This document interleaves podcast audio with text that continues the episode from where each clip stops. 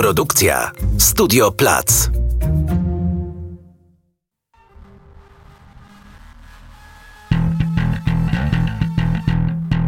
Nazywam się Barbara Klicka, a to jest podcast dwutygodnika magazynu o kulturze. Dzień dobry.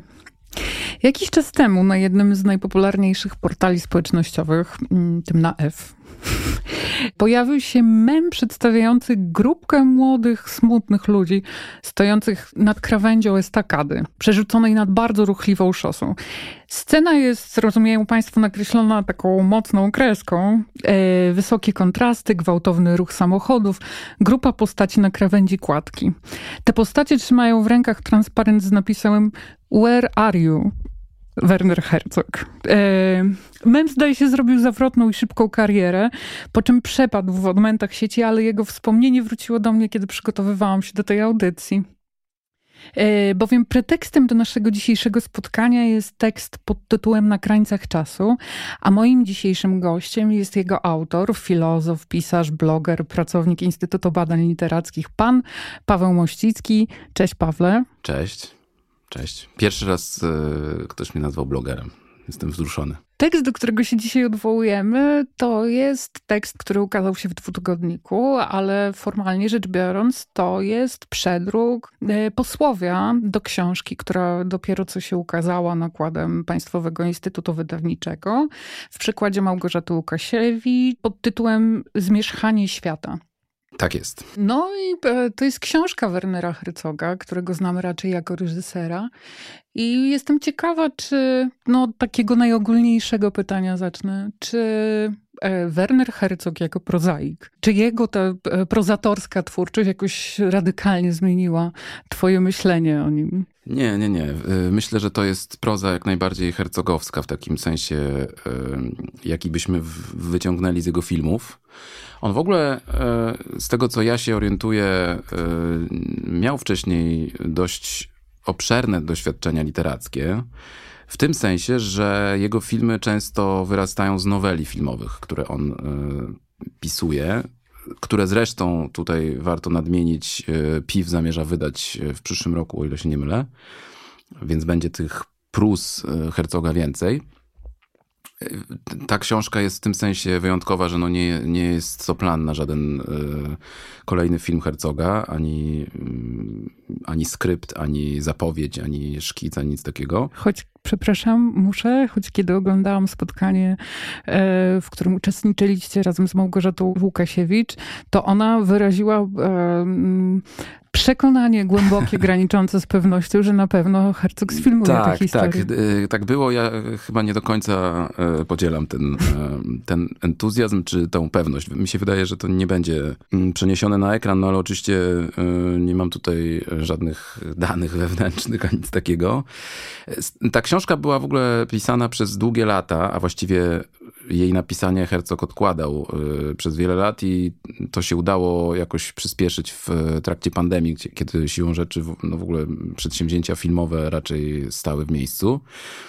Y, jeśli chodzi o jej, jej y, ogólną charakterystykę, to powiedziałbym, że ona jest wręcz doskonałym przeniesieniem z ekranu, właśnie tym razem odwrotnie, na kartkę papieru. No, czegoś, co by trzeba jednak pewnie ponazywać. No i, I e, na razie nazwijmy to jakąś taką ogólną mm, ogólnymi e, parametrami wyobraźni Herzoga. E, o tak. I może oprócz tych parametrów jeszcze pewnej jego mm, procedury z jaką on działa. Ja celowo używam takich trochę dziwacznych słów, żeby może wypaść z tych e, chciałem powiedzieć kamieniołomów typu estetyka, prawda, tak. styl i tak dalej, bo to są rzeczy, które często więcej skrywają niż odkrywają. Ja lubię mówić o procedurze i w tym wypadku też wydaje mi się to adekwatne, dlatego że to nazywa pewien e, typ podejścia do, do, do spraw, prawda? To znaczy, to jest jakby, gdyby Herzog był nie wiem, bokserem, no to to mniej, mniej chodzi o, o, styl, chociaż używa się tego, tego pojęcia również w, w, odniesieniu do boksu, ale jakby sposób wyprowadzania ciosów, prawda? Jego jakaś taka specyficzna dynamiczność, witalność czy coś. I to jest y, książka, która na pewno zdradza taki, takie pokrewieństwo z no, tym, co kojarzymy z filmów, tak? No to zanim przyjrzymy się temu przymiotnikowi, którego używamy chyba zupełnie tak domyślnie, hercogowski albo hercogowska, e, bo właściwie reszta moich pytań dotyczy tego przymiotnika. Nie wiedziałam o tym, teraz, e, teraz się zorientowałam, kiedy go użyłeś po raz pierwszy. Ale zanim przejdziemy do niego, to opowiedzmy dwa zdania bez spoilerów e, o tej książce. Dobrze. Bardzo chętnie. Będzie to ciężkie e, zupełnie bez spoilerów, bo właściwie streścić tę historię jest bardzo prosto. E, I na tym streszczeniu już jakby ugrywa ona ten, ten ciężar swój, swój niesamowity. Natomiast jeszcze, jeszcze zanim do tego może dojdziemy, to dwa słowa chciałem powiedzieć o tym hercogowskim, bo też mam takie skojarzenie, że używamy tego najczęściej w odniesieniu do takich przyswojonych autorów, prawda, typu Kawkowski, prawda, tak. Buchakowowski yy, i tak dalej. Ale nie tak wielu znowu. Ale nie tak wielu, ale wydaje mi się, że, że jakoś usłyszałem po raz pierwszy, nie, nie chodzi mi o to, że ty tego użyłaś jakoś wyjątkowo, ale po prostu w tym kontekście, E, może po prostu, wiesz, tutaj się e, przy tobie bardziej jakoś tak na, nakręcam, żeby się, żeby się, żeby trochę popracować intelektualnie, e, że ta kategoria jest opisująca i też trochę zamykająca, prawda? To znaczy, że Hercogowski to jest trochę taka gęba, którą też temu akurat twórcy przykładamy i że to trochę zawsze tak funkcjonuje, prawda? Że coś jest coś się nam kojarzy z jakimś takim, no właśnie, yy, że tak powiem, zapachem czy smakiem te, tej twórczości, no to e, no to to już wiemy, tak? To jest trochę, to może być blokujące, bo może mm, zwalniać nas z odpowiedzialności, ale też odbierać przyjemność po prostu eksplorowania tych światów na świeżo, na ile się da. Co oczywiście yy, yy, stoi w lekkiej sprzeczności do tego, od czego zaczęliśmy i tak. do czego ja zacząłem. To znaczy, że to nosi znamiona. No to zróbmy te znamiona tak szybko, dobra? W, w sensie yy, streszczenia. Yy, tak, ale, ale poczekaj, jeszcze czuję, że muszę to powiedzieć w tej chwili. Yy, to jest niesłychany, niesłychana cecha tych przymiotników, takich, które wymieniłeś, Hercogowski, Kawkowski, Buchakowowski że one potrafią być i komplementem, i e, niekomplementem no, tak, e, tak, w tak, tym samym czasie. To znaczy, że one potrafią być i komplementem, i zarzutem, i w zależności od tego, do kogo się je kieruje e, i w jakim rejestrze potrafią spełniać zupełnie odmienne funkcje. Zgadza Dobrze, się, to wróćmy do książki. Opowiedz nam o książce. Mówiąc w telegraficznym skrócie, jest to historia e, japońskiego żołnierza, który nazywa się e, Onoda który y, zgubił się e, z radarów historii II wojny światowej. To znaczy, że przebywał na filipińskiej wyspie, został tam oddelegowany przez swoich przełożonych do walk, bo wtedy w Filipinach przebiegał front pomiędzy cesarską Japonią no i aliantami. I ta wyspa nazywa się Lubang. I Wojna się skończyła, Japonia wojnę przegrała, natomiast on y, na tej wyspie pozostał. I wraz z na początku czterema e, towarzyszami, a po wielu, wielu latach już sam, y, kontynuował y, swoje zadania bojowe w całkowitej nieświadomości tego, że no, historia po prostu już poszła dalej i po pierwsze, wojna dawno się skończyła, no Japonia jest zupełnie y, czym innym niż to, y, czemu on wciąż służy, y, no i tak dalej, i tak dalej. Ta jego egzystencja jako takiego, no właściwie osamotnionego rycerza zakończonej już wojny trwała 29 lat. To znaczy on został zdemobilizowany w 74 roku i ta książka jest y, opowieścią, którą Herzog snuje na jego temat, a właściwie po trosze taką fikcyjną, takim fikcyjnym dziennikiem, czy też fikcyjną opowieścią ze strony samego Onody, który e, no, opisuje nie tylko e, swoje bojowe sukcesy bądź e, trudności przeżycia w, w dżungli, bo jest tutaj dużo takich kwestii E, powiedziałbym, techniczno-operacyjnych, e, ale też e, no, próbuje sobie jakoś poradzić z no, poczuciem z jednej strony osamotnienia, z drugiej strony no, takiego no, silnego, coraz silniejszych zresztą sygnałów od świata, że no, ta rzeczywistość jakoś inaczej wygląda niż on sobie ją wyobrażał. E, to jest chyba tyle, co, e, co można powiedzieć nie spoilując. E, sprawa się zakończyła w 1974 roku. No to możemy sobie wyobrazić w jaki tak. sposób, ale, ale wydaje mi się, że tutaj jest zarazem w tej e, historii, podejrzewam, że Państwo, którzy nas słuchacie, już rozumiecie, jak bardzo to jest hercogowskie w tym sensie, prawda? Że to jest taki bohater właśnie, który, e, który jest gdzieś poza, poza, poza rejestrami normalności, ale, mm, ale to jest też ciekawa proza, ponieważ ona opisując tą taką, powiedzmy, codzienność, tak, próbuje w niej znaleźć takie momenty, czy też takie, takie sytuacje, E, w których e, no właśnie to, co takie bardzo konkretne i przyziemne się jakoś łączy z takim najbardziej, powiedziałbym, monumentalnym, tak? czyli no po prostu z historią światową. E, I, i to jest super ciekawe w tej książce. Tego, co powiedziałeś, yy, wynikają na pierwszy rzut ucha dwie takie bardzo hercogowskie e, cechy. Jedna dotyczyłaby tego bohatera samego, a druga dotyczyłaby, jak powiedziałeś, jeśli cię dobrze rozumiem, procedury, mhm. którą hercog stosuje. Powiedzmy sobie o tej mieszaninie fikcji i faktu u hercoga. Fikcja kontra fakt, albo fakt kontra fikcja, albo właśnie słowo kontra, które nie jest tu a propos. Słowo kontra. E, tak, które nie jest jest e, a propos właśnie tej metody, czy tej mhm, procedury, mm -hmm. którą stosuje Herzog. Tak, wiesz co, wydaje mi się, że e, to, co jest ciekawe w tym e, podejściu do kina Herzoga, co z kolei jest tutaj bardzo widoczne, to jest to, że dla niego dokument jest za mało. Mówiąc tak oględnie. Dlaczego za mało? Dlatego, że i, nie dlatego z kolei, że Herzog ma jakieś e, braki w, e, nie wiem, w warsztacie, albo że ma jakąś niechęć do realizowania takich procedur dokumentalnych podstawowych, prawda? To znaczy, że on nie, nie, nie, nie odrabia swoich lekcji, w związku z tym gdzieś tam ucieka w krainy mniej lub bardziej wyobrażone. Nie, to chodzi o to, że jego podejście do rzeczywistości wymaga e, no, uniesienia tego dokumentu na trochę inny poziom. Ja staram się o tym wspomnieć właśnie w tym swoim posłowiu, mówiąc o jego teorii ekstatycznej prawdy, prawda? To znaczy takiej prawdy, która się odsłania nie w rejestracji, nie w rekonstrukcji zdarzeń, nie w wnikliwym nawet przepytaniu swoich bohaterów z tego, co oni uważają, tylko z tego wszystkiego, bo to właśnie bierzemy E, za dobrą monetę, tak czy inaczej.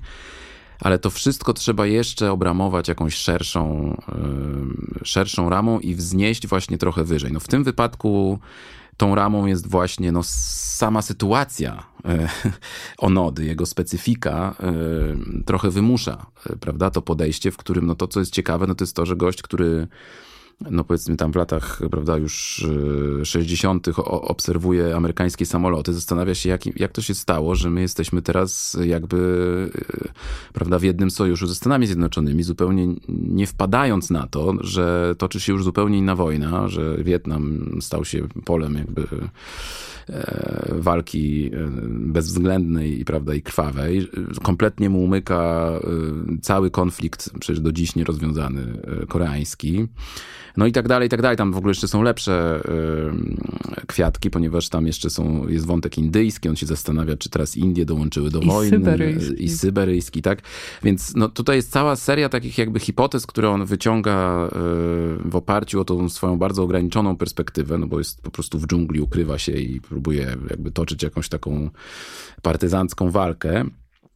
E, natomiast no, w związku z tym, że, że on musi domniemać jakoś kształt tego świata na zewnątrz, no to mamy tą perspektywę właśnie, w której ta książeczka, bardzo skromna, skupiona na nim i jego codzienności, jest zarazem książeczką o jakimś po prostu no, wyobrażaniu, czy doobrażaniu sobie, czy, czy fikcjonalizowaniu właśnie no, historii drugiej połowy XX wieku. Czyli no, ni mniej, ni więcej, tylko też naszej prehistorii, prawda? To znaczy to, z czego my się jakoś bierzemy, ponieważ w tym systemie odziedziczonym tak, a nie inaczej żyjemy. W innych filmach to oczywiście za każdym razem ta właśnie procedura, ten, ten element, który uruchamia e, tą szerszą perspektywę jest inny. E, I Herzog też bardzo różnie do niego podchodzi. Teraz mi przychodzi jedna rzecz do, do głowy, że jest e, taki film Grizzly Man, który... który Przypadam za nim. Tak, który, który jest chyba jednym z takich na pewno topowych osiągnięć, przynajmniej z ostatnich lat Herzoga. Ostatnich mówię, powiedzmy 20. 20 lat, tak. No ale to jest też, też twórca już wielo, wielowieczny i też bardzo, bardzo aktywny cały czas, więc tych filmów jest sporo. W Grizzly Man na przykład, prawda, no obserwujemy człowieka, który ma taką fascynację, przypadłość, jak zwał, tak zwał, zależnie jak się, jak się do tego podchodzi, prawda? No, y, chce się bardzo zaprzyjaźnić z niebezpiecznymi bardzo zwierzętami, czyli niedźwiedziami i bada je, trochę je filmuje, ale trochę też właściwie filmuje siebie przez to. I trochę infantylizuje. Trochę i... infantylizuje, tak. Tam jest cała oczywiście masa y, takich, no właśnie dokumentalnych smaczków, które Herzog bardzo umie umiejętnie wydobywa. To znaczy, tak właśnie no choćby taki, takie kontinuum, prawda, pomiędzy jakąś fascynacją, właściwie jakimś wglądem takim naukowym tego człowieka, a być może jego jakimś takim, no, psychicznym kompleksem, być może jakąś potworną traumą, którą on w ten sposób y, próbuje jakoś przywołać, zaleczyć. No, jest tutaj bardzo wiele hipotez i, i, i Herzog, który do tego bohatera podchodzi no, z taką naprawdę y, doskonałą uważnością i, i, delikatnością, a zarazem jest moment w tym filmie, no to, to, ta historia tego człowieka Grizzlymana kończy się w sposób najgorszy z możliwych, no bo on po prostu zostaje pożarty przez te zwierzęta, w dodatku nagrywa to na, na swoją kamerę niechcący. I w dodatku nie sam. Tak, i, i, i e, no i wydaje mi się, że jednym z kluczy tego filmu to jest moment, w którym Herzog decyduje się nie pokazać czegoś. I wydaje mi się, że to jest, to jest y, czego on nie pokazuje. No, y, człowiek filmował swoje spotkanie z niedźwiedziami na kamerę. Te niedźwiedzie go zaatakowały y, w sposób no, bardzo drastyczny, pozbawiły go życia. Ta kamera była cały czas włączona, ale ponieważ była przewrócona, nie nagrywała obrazu, ale nagrywała dźwięk. Więc Herzog no, dostaje do ręki materiał cokolwiek problematyczny, ale zarazem no niezwykle rzadki, tak? Znaczy no on po prostu ma na żywo nagraną potworną śmierć człowieka z rąk zwie zwierząt. I on decyduje się tego nie pokazać. I e, scena chyba najbardziej dramatyczna w tym filmie to jest scena, kiedy obserwujemy na ekranie samego Herzoga, który na słuchawkach odsłuchuje ten materiał. My tego materiału nie słyszymy.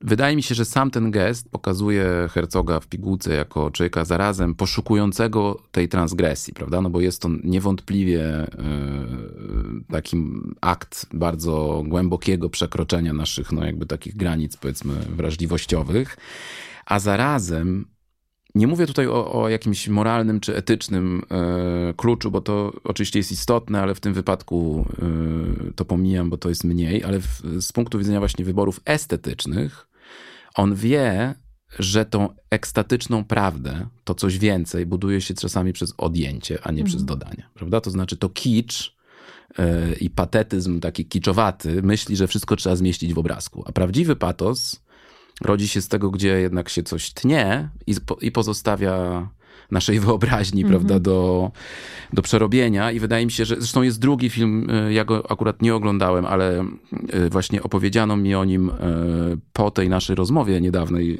promo, promującej książkę, to się nazywa Biały Diament, zdaje się, gdzie Herzog dla odmiany nagrywa jaskinię w jakimś bardzo odległym miejscu świata, już nie pamiętam, ale w każdym razie jest to pierwszy moment, kiedy człowiek nie z plemienia zamieszkującego tamte tereny w ogóle mógł wejść tam i, i stworzyć obraz tego czegoś. I otóż mhm. on też nie pokazuje tego e, materiału. To znaczy mhm. też decyduje, że, że no właśnie ta figura tego czegoś, co koniecznie musimy zobaczyć, prawda? Co jest tym jakby absolutnym E, rarytasem i skarbem, ona pozostanie tym skarbem właśnie dzięki temu, że e, się tego nie sploretaryzuje, mówiąc w takim sensie metaforycznym, to znaczy, że tego nie będzie w obrazku, prawda? I, i tutaj wydaje mi się, że to są takie procedury, w których e, Herzog bardzo pilnuje, żeby jego opowieści, które szukają monumentalizmu, same były bardzo skromne i żeby pilnowały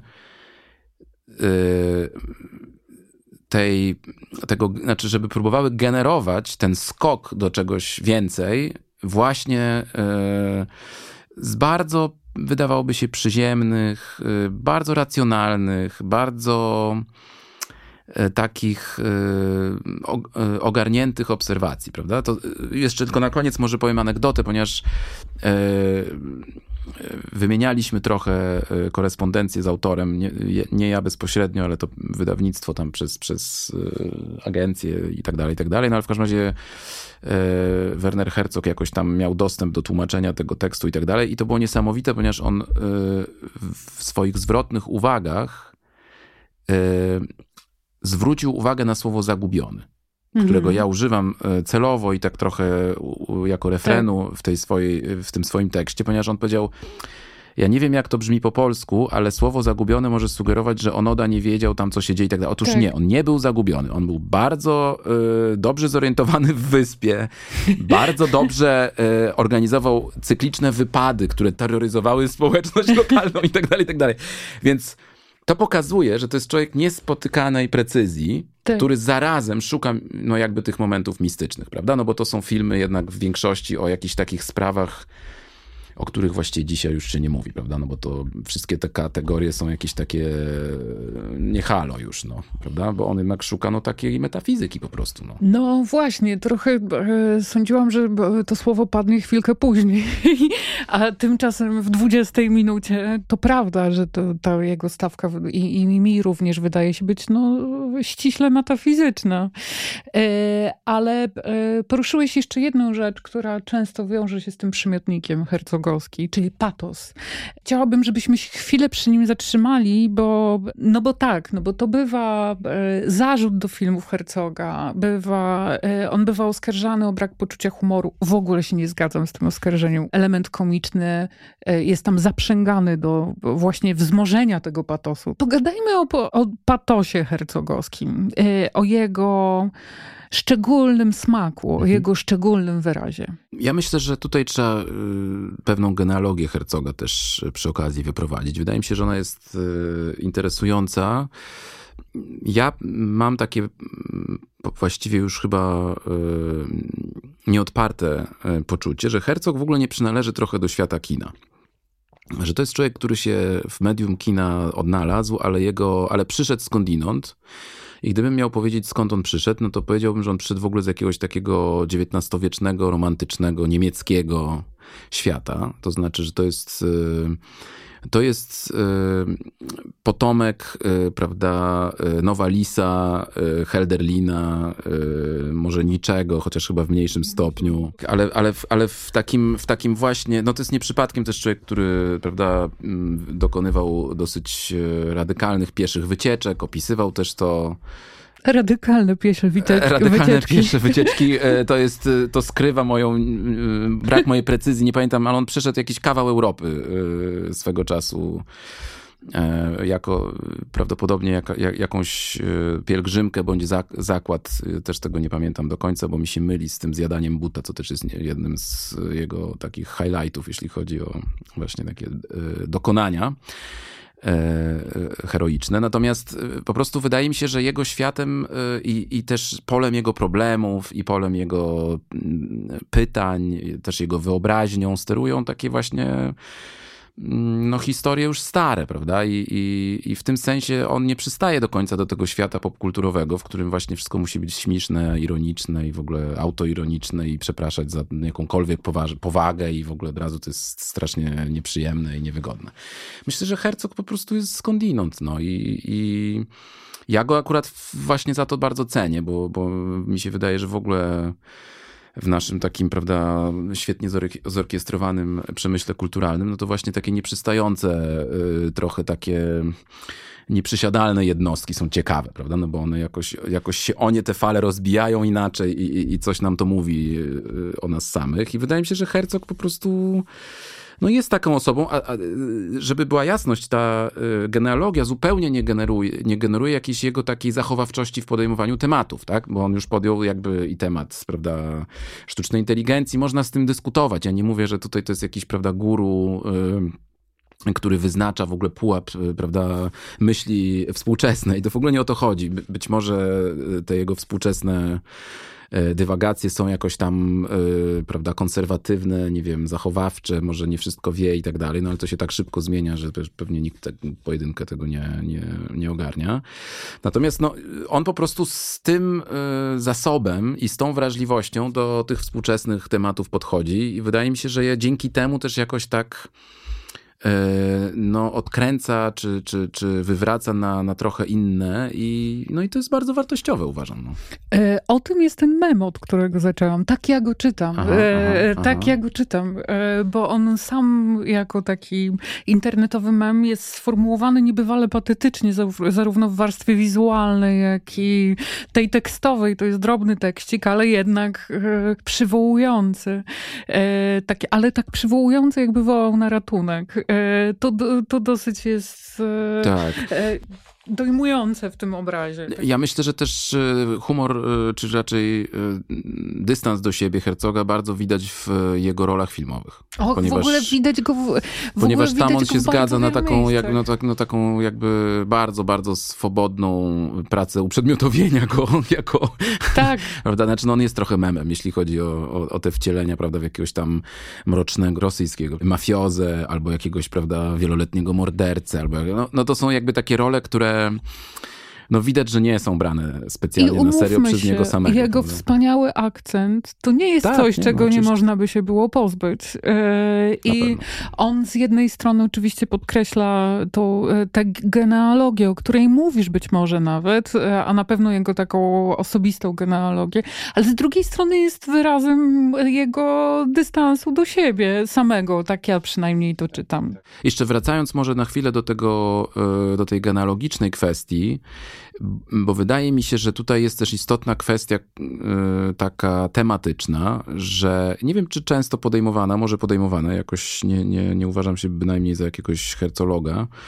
Yy, to jest kwestia natury, prawda? To znaczy, że yy, kiedy myśl, myślę o, tej, y, o tym pochodzeniu kulturowym Herzoga z romantyzmu niemieckiego, mówiąc, mówiąc tak hasłowo, no to to jest też moment, w którym, prawda, no właśnie industrializacja, y, po, po, polityczne przemiany generują no, konieczną refleksję na temat tego, w jaki sposób relacje między człowiekiem i naturą się układają, no a wtedy one się układają właśnie w sposób pełen patosu, w tym sensie, że no to jest jakby takie, no bardzo monumentalne zderzenie starcie. Tak, i tak. starcie, tak. taka kontra, jakby tutaj e, przywołać wcześniejszą figurę.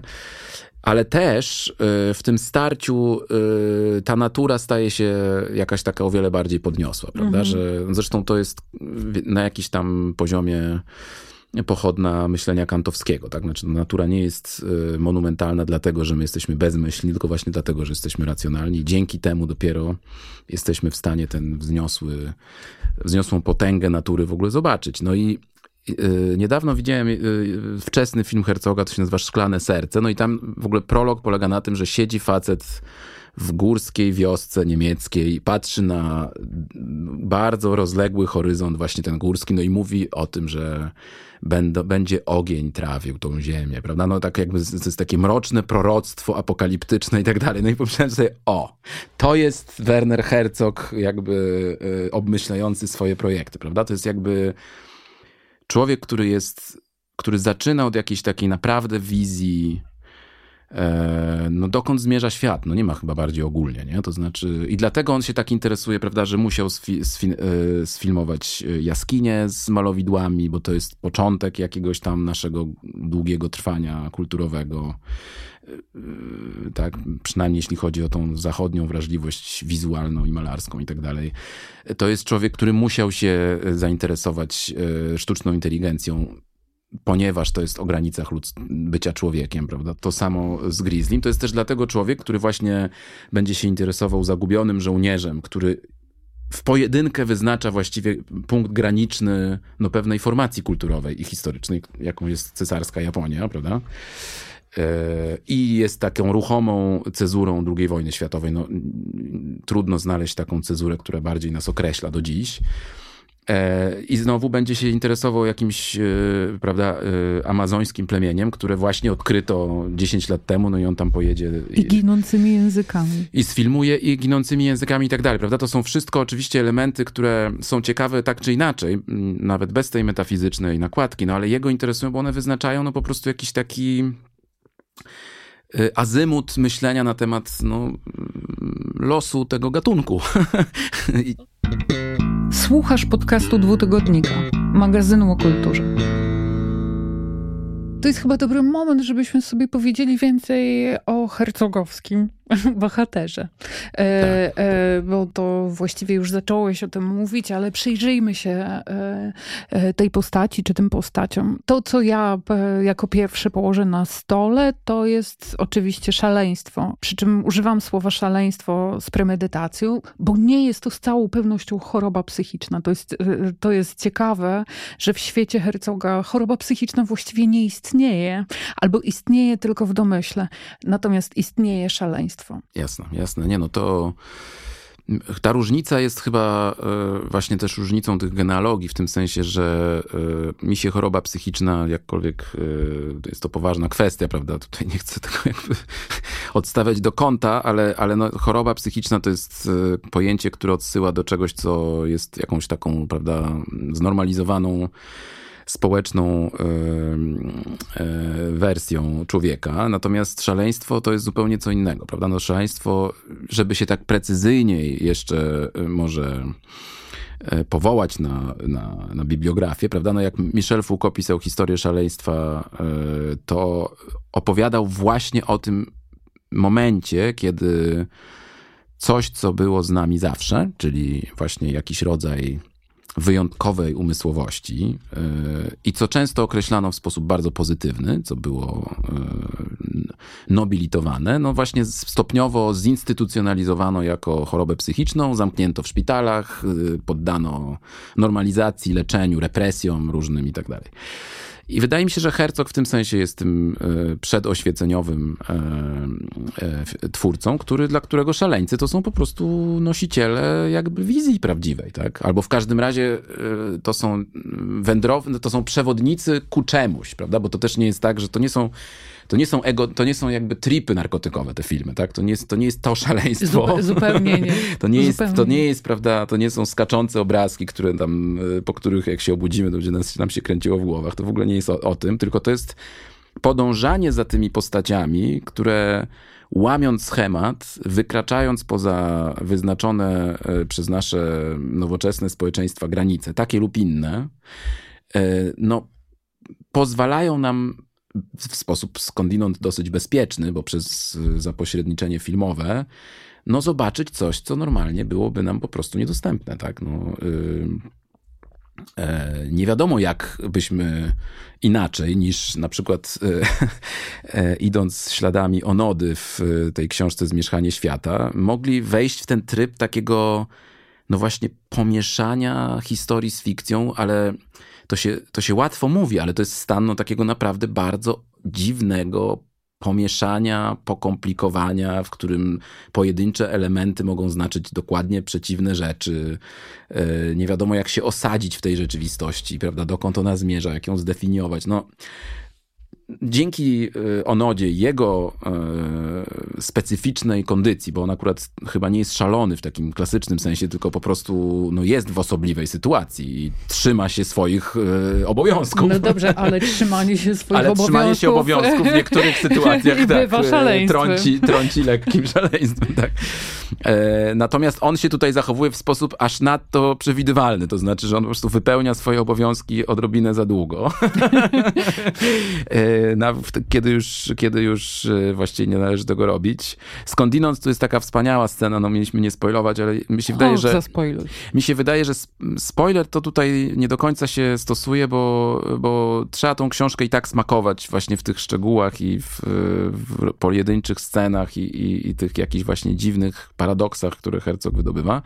No ale e, powstaje już w momencie, kiedy tego Onodę e, odkrywa e, inny bohater, który no, chce go zdemobilizować właśnie i jakoś udaje mu się, e, że tak powiem, nie wywołać ataku ze strony naszego bohatera, no bo on generalnie strzela do ludzi, którzy mu próbują powiedzieć, że jest koniec wojny, traktuje ich jako agentów obcych sił. No i, no ale to się już jakoś udaje przewalczyć, ten pierwszy etap, no i powstaje w związku z tym problem, że skoro już Onoda dopuścił taką możliwość, że ta wojna się skończyła, no to jak zrobić, żeby on mógł przejść w stan spoczynku? No i tutaj jest jego wymóg, pojawia się taki, że on złoży broń wyłącznie na yy, bezpośredni rozkaz swojego dawnego przełożonego. No ale przełożony okazuje się żyć, ale no już nie jest w armii. Yy, więc to jest ciekawe, że żeby powrócić do realności, prawda, z fikcyjnego świata, w którym wciąż toczy się konflikt II wojny, trzeba stworzyć hiperteatralną e, e, scenę, w której człowiek, który no już nie jest w armii, będzie z powrotem jakoś funkcjonował jako ten, e, ten człowiek, e, który zarządza oddziałem Onody i wyda mu rozkaz, który no zdają sobie państwo, według aktualnego e, e, wojskowego trybu, no nie jest rozkazem jakby ważnym, prawda? Natomiast tylko takie rozwiązanie sprawi, że ten Onoda rzeczywiście wyjdzie z tej, z tej dżungli, podda się Filipińczykom i przejdzie w stan spoczynku, prawda? Więc... To, jest, e, to jest w ogóle ciekawy wątek, ta hiperteatralność u Hercoga mm. i taka e, Hercog jako piewca rytuałów, e, czy odnowiciel rytuałów, czy ktoś, kto u, usiłuje ustanowić nowe rytuały, czy zaproponować nowe rytuały wręcz. Chciałabym bardzo, żebyśmy nie zgubili tej kwestii bohatera e, tak. Jest. Powiedzieliśmy o nim sobie, że on jest szalony i to jest jego pierwsza cecha. A ja bym dorzuciła kolejną cechę. Bohaterowie hercoga to są zazwyczaj... Yy, ty to piszesz w swoim tekście, żołnierze przegranej sprawy nadzwyczaj często, ze wszystkimi konsekwencjami, y, jakie to określenie niesie, y, czyli żołnierze, czyli ludzie, osoby, które nie stronią od przemocy. Przemocy u Hercoga jest mnóstwo y, i, i, i jego bohaterowie są zazwyczaj silnie nią naznaczeni a przegranej sprawy, dlatego że oni walczą mimo wszystko o coś, co jakby jest poza poza ich zasięgiem. Co ty na to? Tak, znaczy to, to yy, oczywiście przegrana sprawa może różnie wyglądać. No w tym wypadku mamy prawda, żołnierza armii, która już po prostu się poddała, a yy, w związku z tym jej nie ma w, tej, w tym kształcie, w jakim on jej podlegał. Natomiast, no nie wiem, w przypadku powiedzmy bohatera, bohatera imiennego yy, filmu Fitzgeraldo, prawda, chociaż to jest przez, przezwisko tak naprawdę jego, a nie, a nie nazwisko, no ale w, mniejsza o to, no to to jest bohater, który ma po prostu ideę fix, a mianowicie e, stworzenie w środku amazońskiej dżungli e, opery, która będzie grała, e, gdzie będzie występował jego ulubiony pieśniarz operowy, czyli Caruso. No i no, to jest absolutnie niemożliwe. No, tak, Podobnie jak w Grizzlymanie. E, I to e, Grizzlyman też jest żołnierzem przegranej Oczywiście, sprawy. to znaczy w, tym, w tych wypadkach przegrana sprawa to nie jest przegrana wojna, czy prawda, tak. zdezaktualizowana już kwestia, tylko po prostu kwestia, no, której się nie da zrobić. Co jest ciekawe, to to, że oni są uchwytywani jakby nawet nie w pół drogi, ale oni prawie realizują te swoje, e, te swoje zamierzenia. To jest niesamowite. To znaczy, to nie jest w tym sensie, to nie są e, e, dzieła, które portretują bohaterów, gdzie to szaleństwo prowadzi no, na jakąś taką na takie antypody w ogóle jakiegokolwiek kontaktu z rzeczywistością, prawda? To znaczy oni forsują rzeczywistość w stronę jakichś swoich mm, niemożliwych do zrealizowania zamierzeń, ale prawie im się udaje. No Fitzgeraldo e, rozgrywający skądinąd pasjonujący bój, to, to, to, prawda, e, nie wiem jak państwo mają to na, na świeżo, ja akurat dosyć na świeżo, bo sporo się naoglądałem tego Hercoga ponownie przed pisaniem tego tekstu, ale to, to się tak mówi, no facet tam chciał przejechać przez tą, przez tą dżunglę, prawda, no ale tak, on musiał stworzyć nieprawdopodobne konstrukcje takie no fizyczne, prawda, jak e, inżyniery, inżynieryjne i, i, to, i to zrobił. On ten statek przez określone wzgórze on, on go rzeczywiście przesunął. Tak? Znaczy, to się fizycznie udało. To, co się nie udało, to jest to, że no, jakby rozgrywał równolegle e, no, taką kulturową właściwie batalię z lokalnymi mieszkańcami. No i ci lokalni mieszkańcy raz wydawało się, że traktują go jako półboga, potem, no i w końcu się okazało, że on uległ pewnemu, jak ja to interpretuję, y, no takiemu fortelowi z ich strony i po prostu został w tym kluczowym momencie, kiedy już był naprawdę blisko realizacji tych zamierzeń, po prostu obalony. Natomiast to nie jest jakkolwiek y, niedorzeczne się wydaje to przedsięwzięcie, one się prawie realizuje, prawda? I Grizzly Man no właśnie, no jest, jest osobą, która no miała niesamowity kontakt z tymi e, niedźwiedziami. Oraz dostarczyła takich zdjęć, które, tak. których, e, których nikt nie dostarczył przed nim. E, oczywiście. I, I, co więcej, bohaterowie na przykład filmu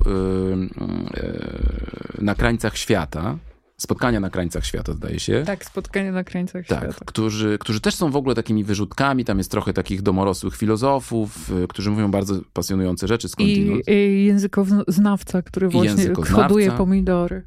Tak, i to, no tam też y, ktoś się realizuje, prawda? I, i, i znowu ich pewna niestandardowość daje Hercogowi możliwość, no, na przykład zrealizowania podwodnych zdjęć y, w, w, w rejonach, których po prostu nie widzieli ludzie. Nie? I, I, to. I to mi się wydaje jakimś w ogóle ciekawym bardzo projektem na życie.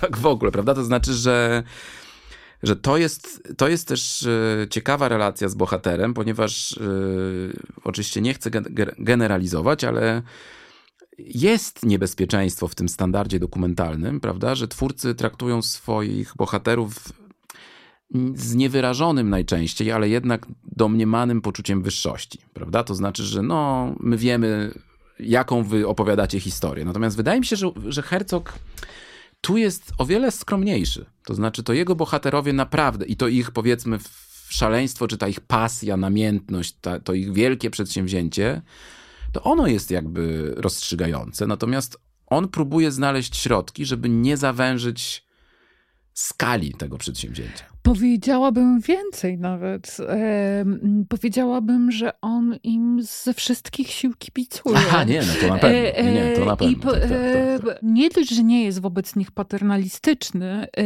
to właściwie czujemy jego autentyczną fascynację z za kamery, e, właśnie dochodzeniem do tego miejsca, w którym e, to wszystko runie tą, e, tą drogą tuż przy tym miejscu i śledzeniem tego, tej wąskiej tak, ścieżki tak, tak, nad krawędzią. E, tak bym powiedziała. Tak, tak. Nawet dotyczy to bohaterów. Tutaj o kibicowaniu może bym akurat nie mówił, ale, ale myślę, że tu się zgadzamy. E, filmu takiego czteroczęściowego serialu właściwie dokumentalnego, który się nazywa W celi śmierci. Tak, oglądałam ten serial. To też niezwykłe, że Herzog go zrobił, tak, prawda? Tak, tak. Gdzie on rozmawia z ludźmi, którzy oczekują na wykonanie wyroku wyroku śmierci w różnych y, więzieniach y, amerykańskich. To był serial telewizyjny. Tak, którego wy, wymowa jest y, no, jawnie prawda, przeciwna karze śmierci. To tutaj Herzog akurat rzadko kiedy, ale no, zajmuje takie bezwzględnie wyraziste stanowisko polityczne, no bo to jest dyskusja polityczna. Natomiast to, co mnie też ciekawi, no to jest to, w jaki sposób on rozmawia z tymi, z tymi bohaterami i jest to bardzo umiejętne łączenie no, takiego dawania im głosu, e, a niektórzy z nich są bardzo interesującymi rozmówcami, może tak powiedział. E, a zarazem pilnowania, e, on to zresztą mówi, zdaje się, na samym początku pierwszej części, że on mówi, wie pan, że do jednego z tych bohaterów, Hank Skinner, on się nazywa, ja go wyłapałem, ponieważ on założył pismo w, swoim, w swojej celi śmierci i wydawał, e, wydawał je o, latami, bo on akurat e, zmarł w, sposób naturalny, nie, nie wykonano tej, tej, tego wyroku śmierci. Natomiast on mu na początku mówi, że wie pan, ja nie będę pana przepustką do jakby apelacji, podważania pana winy, to w ogóle nie jest o tym rozmowa. Pan sobie zdaje sprawę, że ja tu nie jestem po to, żeby mnie pan użył, prawda, do w jakiejś kampanii dowodzącej niewinności czy czegoś takiego. Więc on z nimi rozmawia jako z y, winnymi. przynajmniej tak zakłada, a i tak, y, prawda, pozwala im opowiedzieć o tych swoich doświadczeniach, no i przede wszystkim o tym też specyficznym bardzo statusie y, no, człowieka, który za sekundę, za tydzień, być może za miesiąc, za nie wiadomo ile, ale, ale zostanie stracony. Co więcej, ten Hank Skinner opowiada scenę, w której rzeczywiście no, tam minuty go dzieliły od, y, od wykonania Już wyroku. zjadł po, y, ostatni już, tak, posiłek. już zjadł te, te jakieś niebotyczne rarytasy, które tam sobie za, zażyczył, ale w końcu tego, nie, tego, tej egzekucji nie dopełniono, no więc on został ocalony, no ale całe to doświadczenie tam przechodzimy razem z, z, z Herzogiem, no i wydaje mi się, że to są też takie właśnie znamiona bardzo dobrze rozumianej ciekawości, prawda? To znaczy... Tak, ale jednocześnie w, tym, e, w tych rozmowach z celi śmierci, jeśli dobrze pamiętam tytuł, e, to jest ten jeden raz, kiedy widzę, jak e, Herzog aktywnie stawia granice swoim rozmówcom. Zresztą teraz mi się przypomniało jeszcze a propos, żeby dopełnić e, ten, e, no wiadomo, że ograniczony, bo to trzeba by tutaj wiele godzin spędzić, e, katalog szalonych bohaterów, no to jest ten słynny pingwin. To, to jest ciekawe, bo to jest te, ten przykład pingwina, który stał się memem swoją drogą, Tak. prawda? Jeśli gdzieś Herzog funkcjonuje jako takie właśnie taki, taki mem trochę, no to to jest na pewno ten klip y, wycięty z całego filmu YouTube, y, na YouTubie, ale wydaje mi się, że to jest coś, wię- coś o wiele ciekawszego, ponieważ tak, to jest wielka scena, ponieważ ona zarazem pokazuje y, to, co jest obecne w każdym bohaterze Herzoga, to znaczy właśnie niewytłumaczalna, prawdopodobnie straceńcza decyzja y, obrania pewnego kierunku. Tak, no to dla, dla tych z Państwa, co nie wiedzą, no to chodzi o, o, o pingwina, który oddziela się od stada, idzie w dokładnie przeciwnym kierunku niż wszyscy, w przeciwnym kierunku do no, takich bezpiecznych rejonów, które mu zapewnią przeżycie. No generalnie urywa się w jakąś szaloną zupełnie, tak, która go prawdopodobnie pochłonie. I Herzog znowu mówi, but why? Ba, tak, tak. I Herzog z, z charakterystycznym właśnie swoim akcentem no, za, zastanawia się nad, nad tym, ale wydaje mi się, że z jednej strony to jest, to jest kwintesencja tych jego bohaterów i on czyni takim bohaterem, naprawdę pełnowymiarowym w tej krótkiej odsłonie, ale jednak istotę, która nie ma imienia, nie jest w ogóle jakimś, Co więcej, prawda? prawda, której nie wyreżyserował. Ja uważam, że ta scena ma swój potencjał komiczny, ale, który tylko podkręca jej wielowymiarowość. Tam jest też kwestia tego, że właśnie on się oddziela od stada. Ci bohaterowie hercogowscy też zazwyczaj działa, tak, e, jakby bo, bo śledzimy również e, ich e, no, nadwyrężone w związku ze społecznościami e, tak, często, z, absolutnie. którymi, z których pochodzą albo które opuszczają. E, Więc ten pingwin jest pełnowymiarowym naprawdę, e, naprawdę bohaterem. Tak, wydaje mi się, że jeszcze w tym, co powiedziałaś przed chwilą, jest coś super ciekawego, że właśnie to bycie wbrew społecznościom swoim sprawia, że te społeczności również stają się ciekawe. Nie tylko ci bohaterowie, prawda? Tylko, że ponieważ to są y, osoby, które no, stają jakby okoniem w tym normalnym życiu, no to wymuszają jakąś specyficzną reakcję całego tego otoczenia i dzięki temu się dowiadujemy, jak ono naprawdę działa, prawda? To znaczy, no właśnie Fitzgeraldo, który przychodzi i pokazuje te mapy go- rozgorączkowany, no on oczywiście łatwo z niego zrobić dziwo, ale on zarazem pokazuje y, i zresztą Herzog to też dosyć systematycznie śledzi, w jaki sposób reagują konkretne tam wymiary tego, tego społeczeństwa, tak? Konkretne grupy elit, które on prosi o pieniądze, albo którym przedstawia ten projekt, albo coś takiego, prawda? Że jakby dzięki temu wiemy, jak to społeczeństwo będzie funkcjonowało w momencie kryzysu, bo tym kryzysem jest ta jednostka w takiej mniejszej skali. No. Koniec zadam ci jeszcze jedno tylko pytanie. Piszesz w swoim tekście, do którego się dzisiaj odwołujemy, że Herzog chce pozostać dobrym żołnierzem kina.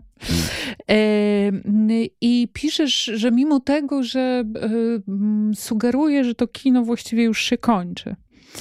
E, powiedz o tym coś więcej. Co to znaczy, że Herzog sugeruje, że kino się kończy? No tak, to oczywiście jest kwestia e, spojrzenia na, na kondycję kina współczesną, no to to nawet dłużej niż 29 lat byśmy musieli, zanim byśmy to obgadali, to już ona by mogła się zmienić.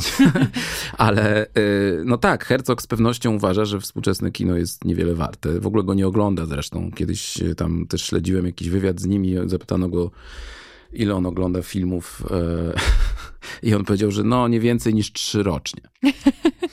więc tak, więc, więc on, on, właśnie i to dopełnia tej gen genealogii, którą ja nakreśliłem, że dla mnie to jest właśnie taki człowiek, który, prawda, czyta jakichś starych e, językoznawców, e, antropologów, poezję Herderlina i to jest jego jakby świat, tam te wszystkie otaczające go.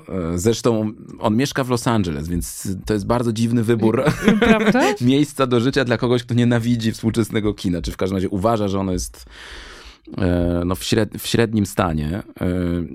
E, czy ja się z tym zgadzam, to trudno jednoznacznie powiedzieć, ale co do, co do zasady to tak. Uważam, że współczesne kino e, to jest właśnie takie stado, które naprawdę gdzieś może w bezpieczne rejony, ale niewiele, niewiele warte zmierza. No i ta, tym bardziej takie mm, postaci jak Herzog są no, wartościowe, dlatego że no już tylko tego mm, kina tyle zostało, ile jest takich szaleńców, moim zdaniem. To znaczy, to już, to już naprawdę są, są ostatki. E, oczywiście, jeżeli kino, ja nie mówię o tym, że nie będzie się produkowało filmów, bo filmów będzie jakby geometrycznie coraz więcej i, i tak dalej, i tak dalej. I co roku, tam co sezon, co pół sezonu, no, nowości, no, nowości, nowości i tak dalej, ale to nie jest kino. No, to jakby to jest jakaś taka produkcja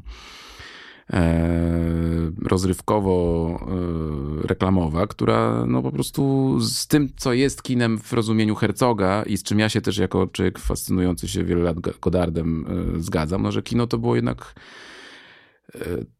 to była jakaś obietnica utopii, no. I, I czegoś takiego już jest coraz mniej. Dlatego, dlatego też być może ten Herzog się zaczął rozmijać z jakby publicznością, prawda? Że mhm. po prostu te oczekiwania, które są E, generowane e, we współczesnej e, produkcji takiej kulturalnej, no to one są już trochę nieprzystające do tego świata. No. Ale to nie jest to nic nie mówi o Hercogu, to mówi o naszych habitusach więcej, wydaje mi się. I nie ma obowiązku się z nimi identyfikować po prostu. Bardzo bym chciała porozmawiać jeszcze o dwóch rzeczach, ale tylko je zasygnalizuję. Po pierwsze, chciałabym porozmawiać strasznie o tej niejednoznacznej roli przemocy u Hercoga. E, to jest super fascynujący temat.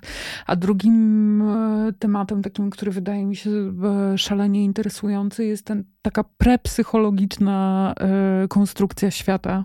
E, e, ale e, to zostawimy sobie na następny odcinek. Bardzo Ci dzisiaj, za dzisiaj dziękuję, Pawle. To była fascynująca bardzo rozmowa. Dziękuję, bardzo dziękuję.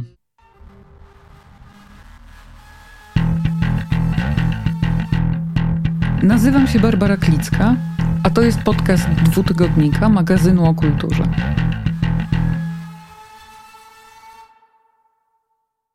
Numer 368 dwutygodnika ugina się od tekstów, od ich liczby, ale też ciężaru, a to pewnie dlatego, że e, tym razem masz trzy teksty dotyczące sytuacji na granicy polsko-białoruskiej. Po pierwsze rozmowa z Szymonem Ruczyńskim, twórcą animacji W lesie są ludzie, e, także mieszkańcem Białowieży, co istotne. Tekst Mateusza Witczaka o tym, jak kultura cyfrowa, jak ta branża, branża gier zareagowała na kryzys uchodźczy oraz duży esej Piotra Foreckiego, profesora UAM o nieznośnym ciężarze e, skojarzeń z zagładą. Poza tym rozmowa mm, z Piotrem Szynajchem wokół książki Odczarowanie talentu, socjografia, stawanie się uznanym artystą. Rozmowa Aleksandry Boćkowskiej z Darią Sobik o pracy, odpoczynku w kontekście kultury, w kontekście właśnie pracy w kulturze, a także trochę lżejszy tekst. Olga Drenda pisze dla nas o architekturze wypoczynkowej przy okazji wystawy w czasy krajobrazy wypoczynku. To wszystko i wiele więcej w 368 numerze dwutygodnika. Polecam. Jan Błaszczak, redaktor prowadzący. To był podcast dwutygodnika magazynu o kulturze. Dżingiel, Małgorzata Teklatekiel. Dwutygodnik jest wydawany przez Dom Spotkań z Historią, Instytucję Kultury Miasta Stołecznego Warszawy. Produkcja Studio Plac.